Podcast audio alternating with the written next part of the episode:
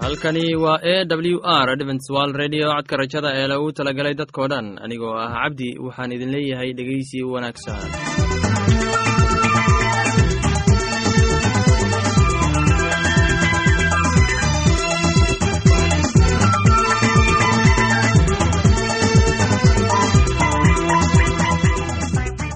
barnaamijyadeena maanta waa laba qaybood. Qaybta koowaad waxaad ku maqli doontaan barnaamijka caafimaadka kadib waxaa inoo raaci doonaa cashar inaga imid bugga nolosha. Barnaamijyadeena maanta si wanaagsan unu dhegeysan doontaan haddii aad qabto wax su'aal ama tala. Iyo tusaale fadlan inala soo xiriir dib ayaynu kaga sheegi doonaa ciwaankayagu balse intaynan u guudagelin barnaamijyadeena xiisaa leh waxaad marka hore ku soo dhowaataan.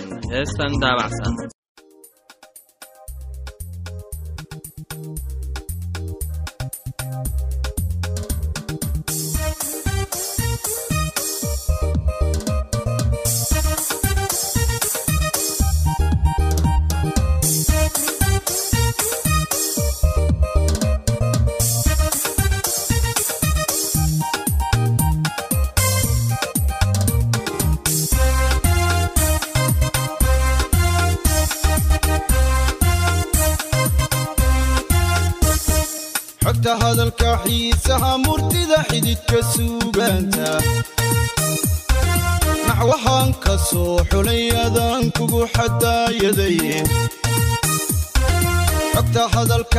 xiisaha murtida xididka suugaanta naxwahaan ka soo xulay adaan kugu xadaayaday waana gaari xiilkeed inaan kugu xariiray xogta hadalka xiisaha murtida xididka suugaanta naxwahaan ka soo xulay adaan kugu xadaayaday xogta hadalka xiisaha murtida xididka suugaanta naxwahaan ka soo xulay adaan kugu xadaayaday waana gaari xiilkeed inaan kugu xariiray xilkasnimo allah kuu dhashiyo garasha xeel dheere. Sida xuurar cayntii jannada lala xayaaday xafiday xasiliyay naftaad xiise gelisay.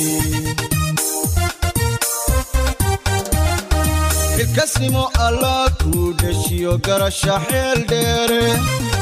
Sida xuurar cayntii jannada lala xayaaday xafiday xasiliyay naftaad xiise gelisay. Kabtan aan xajiiniyo lahayn weedh ku xaganaysaa oo rul xalaalaysay baad ku xaragootaay qalbi xaadhan baad leedihiyo laab xaruuriyahe nageeyanay waxaan filayaa inaad ka faa'iidaysateen heestaasi. Haddana waxaad ku soo dhawaataan barnaamijkeenna caafimaadka barnaamijkaasi oo ah barnaamij oo ka hadli doona caafimaadka guud ee qofka bini'aadanka ee dhegeysi isuuban dhegaystayaal waxaannu barnaamijkeennii hore kaga hadalnay muhiimadda ay naasnuujinta u leedahay ilmaha yar iyo faa'iidooyinkeeda. Waxaan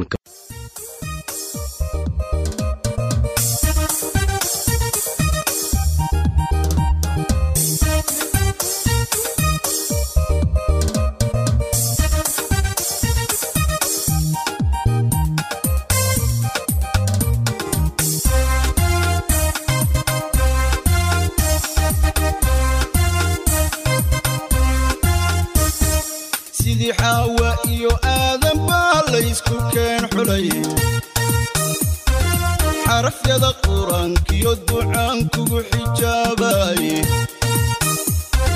Sidii xaawa iyo aadan baa laysku keen xulay xarafyada qur'aankiyo ducaan kugu xijaabaay. Kuxantiyay ilaahii xukumay xulashadaadii sidii xaawa iyo aadan baa laysku keen xulaye xarafyada quranaag lagu xasuusnaado. Xasladay habboonay adaan kugu xushmeeyay. Ishaxaasidiintiyo naxligu kuma xumeeyaani inta xaawalay dumar wanaag lagu xasuusnaado habboonay adaan kugu xushmeeyay ishaxaasidiintiyo naxligu kuma xumeeyaani allageenya ugubay naftaad xiise gelisaay naftan aan xajiiniyo laaxayn weer ku xaganaysaa oo runi xalaalaysay baad ku xaragootaay. Qalbi xaadhan baad leedihi oo laab xaruuriyahe xubnageenyalay allageenya ugubay naftaad xiise gelisaay.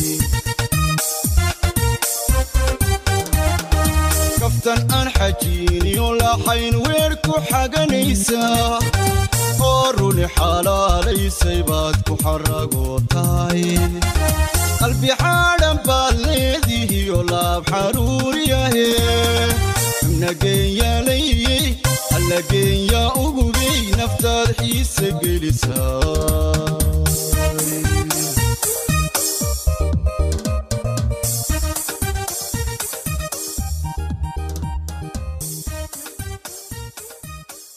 waxaan filayaa inaad ka faa'iidaysateen heestani. Haddana waxaad ku soo dhowaataan barnaamijkii doktor luuq ee caafimaadka.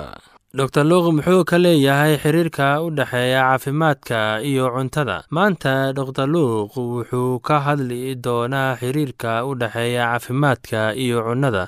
Tani waa muhiim sida aan dhammaanteen nahay cunno iyo waxa aan cuni aynu sababo kala duwan ayay naga sameeyaan. Doctor luuq wuxuu bilaabi doonaa isagoo noo sheegaya sheeko ku saabsan wuxuu leeyahay su'aalo caafimaad iyo cunno. Haweeney afartan iyo todoba sano jir ah oo ku nooleed miyiga mid ka mid ah ee gobollada ugu dadka badan waxay lahayd laba carruur mid waa wiil tan kalena waa gabadh. Waxay ka shaqayn jirtay warshad maxaali ah oo sida ninkeeda oo kale ah iyada iyo ninkeeda waxay jeclaayeen inay cunno karsadaan had iyo jeer way qosli jireen. Markay sidaa dhahaan kadibna saaxiibadood way wici lahaayeen u fiirso iyaga oo labaduba og inay miisaankooda yar yahay laakiin taasi waxay ahayd sababta oo ah waxay jeclaayeen waxkarinta. Iyaga iyo asxaabtooda waxay jeclaayeen inay cunaan wax karitaankooda aadka u fiicna. Si kastaba ha noqotee labadooduba way ogaayeen inay isku dayaan inay culayska sii daayaan. Dhibaatada waxay ahayd ma aysan aqoonin run ahaantii ma aysan doonaynin taas oo micnaheedu tahay inaadan wax badan cunin. Taasi way adkaan lahayd maxay tahay inay labadooduba miyay la yaabeen? Markii ay ka fiirsadeen su'aashan waxay ka fikireen saaxiib ay iyagu iska leeyihiin dhakhtarka iyo kuwa tuugsada nafaqada waxay go'aansadeen inay isaga u yeedhaan dhakhtarku. Wuxuu soo jeediyey inay yimaadaan inaad ku aragto isbitaalka maxaaliga ah ee maadaama halkaas uu ku lahaa badankiisa macluumaadkiisa ku saabsan cuntada iyo caafimaadka. Markay yimaadeen isbitaalka dhakhtarku wuxuu u sheegay in uusan rumaysan karin inay u yimaadeen inay arkaan isaga. Kadib markay u yeeraan wuxuu ka fikirayay sida ay u wanaagsan tahay karinta cunnada wanaagsan. Waxay noqon lahayd wax laga xumaado maalintii. Runtii haddii uusan mar dambe u heli karin karinta cunnada si kastaba ha noqotee wuu fahmay su'aashooda iyo walaaca ay ka qabeen. Dhakhtarku wuxuu sheegay in waxay cuneen ay ka sameeyeen laba siyaabood oo kala duwan. Marka hore waa waxay sameeyeen marka wixii ay cuneen. Maalintaas iyaga ay sameeyeen sida waxaa ku dhacay samaynta dheer ee cuntada iyo samaynta degdega ah ee cuntada. Tusaale ahaan haddii qofku cuno hal cunno oo keliya maalintii hal mar cashada kadib waxay u badan tahay inay dareemaan hurdo islamarkaa cashada iyo dhammaato. Islamarkaa markay cashada dhammaato oo saasay yeeli jireen waayeen. Sameey shaqo badan shaqada kadib midda labaad haddii isla qofkaasi uu cuno wax badan saddex cunno maalin kadib waxay u badan tahay inay si tartiib tartiib ah culayska ugu kordhiyaan wakhtigan dhakhtarku wuxuu siiyey lamaanaha badan talooyin aad u badan iyo waxyaabo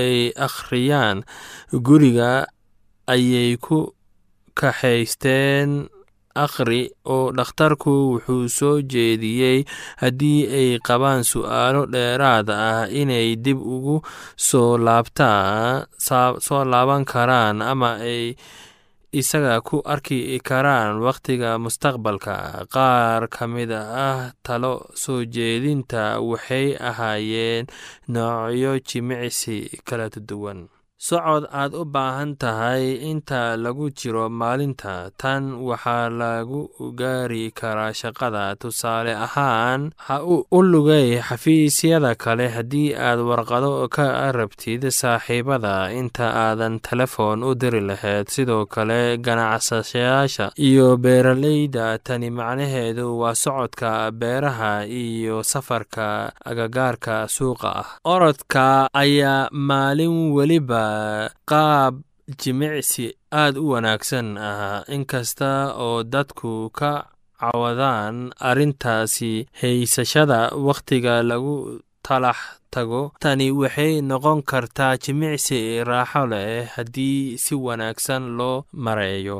Wakhtiga ugu habboon ee orodka waxay noqonaysaa goor horey oo aroorta ah ka hor intaadan qubaysan shaqada ama galabtii shaqada soddon daqiiqo ka hor shaqada ama saacad kadib shaqada. Maxaa kale oo aad u tegi lahayd erobiga taasi oo ah jimicsi shuruuci ah oo isku daraya laxanka jimicsiga iskalana bixin iyo tababar xoog. Waxay ku lug leedahay waxyaabo badan oo muruq iyo daqiiqado jirka ah.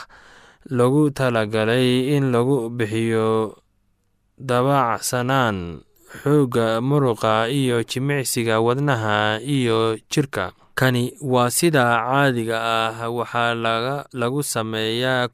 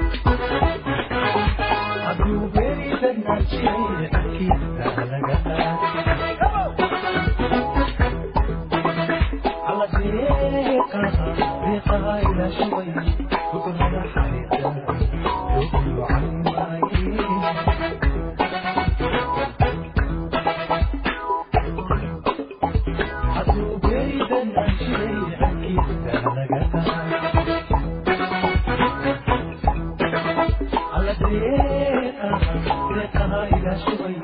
We're gonna die,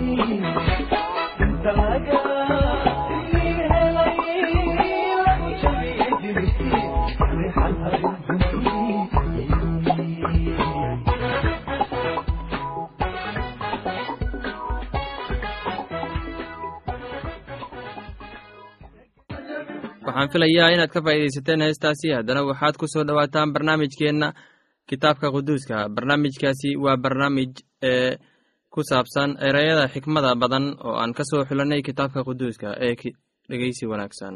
Sheem oo aabbo u ahaa carruurtii ceeber oo dhan oo ahaa yaafeed walaalkiisii weynaa. Isagana carruur buu carruur baa u dhalatay wiilashiisii sheemna waxay ahaayeen ceelaam iyo ashuur iyo arfakasad iyo luud iyo aram. Wiilashii aramna waxay ahaayeen cuus iyo xuul iyo geter iyo maash. Arfaksadna wuxuu dhalay saalax. Saalaxna wuxuu dhalay ceeber ceeberna waxaa u dhashay laba wiil. Mid magaciisa wuxuu ahaa feleg waayo waagiisii ayaa dhulka qaybsamay. Magaca walaalkiisna wuxuu ahaa yoqtaan. Yoqtaanna wuxuu dhalay almodaad iyo shelef iyo xaramwet iyo yera iyo hadoran iyo usaal iyo diqla iyo coobaal iyo abimayl iyo sheba iyo ofer iyo xawila ee yoba kuwaasu kulli waxay ahaayeen wiilashii yokhtaan meeshay degganaayeenna waxay ku bilaabmaysay meesha marka loo kaco xagga sefaar buurta bari kuwanu waxay ahaayeen wiilashii sheem sidii qabiilooyinkoodii iyo afafkoodii iyo waddamadoodii iyo qurumahoodii ay ahaayeen kuwana waa qabiilooyinkii wiilashii nuux sidii farcankoodii iyo quruumahoodii ay ahaayeen oo kuwana quruumaha ka kala qaybsameen dadkii dabadiis.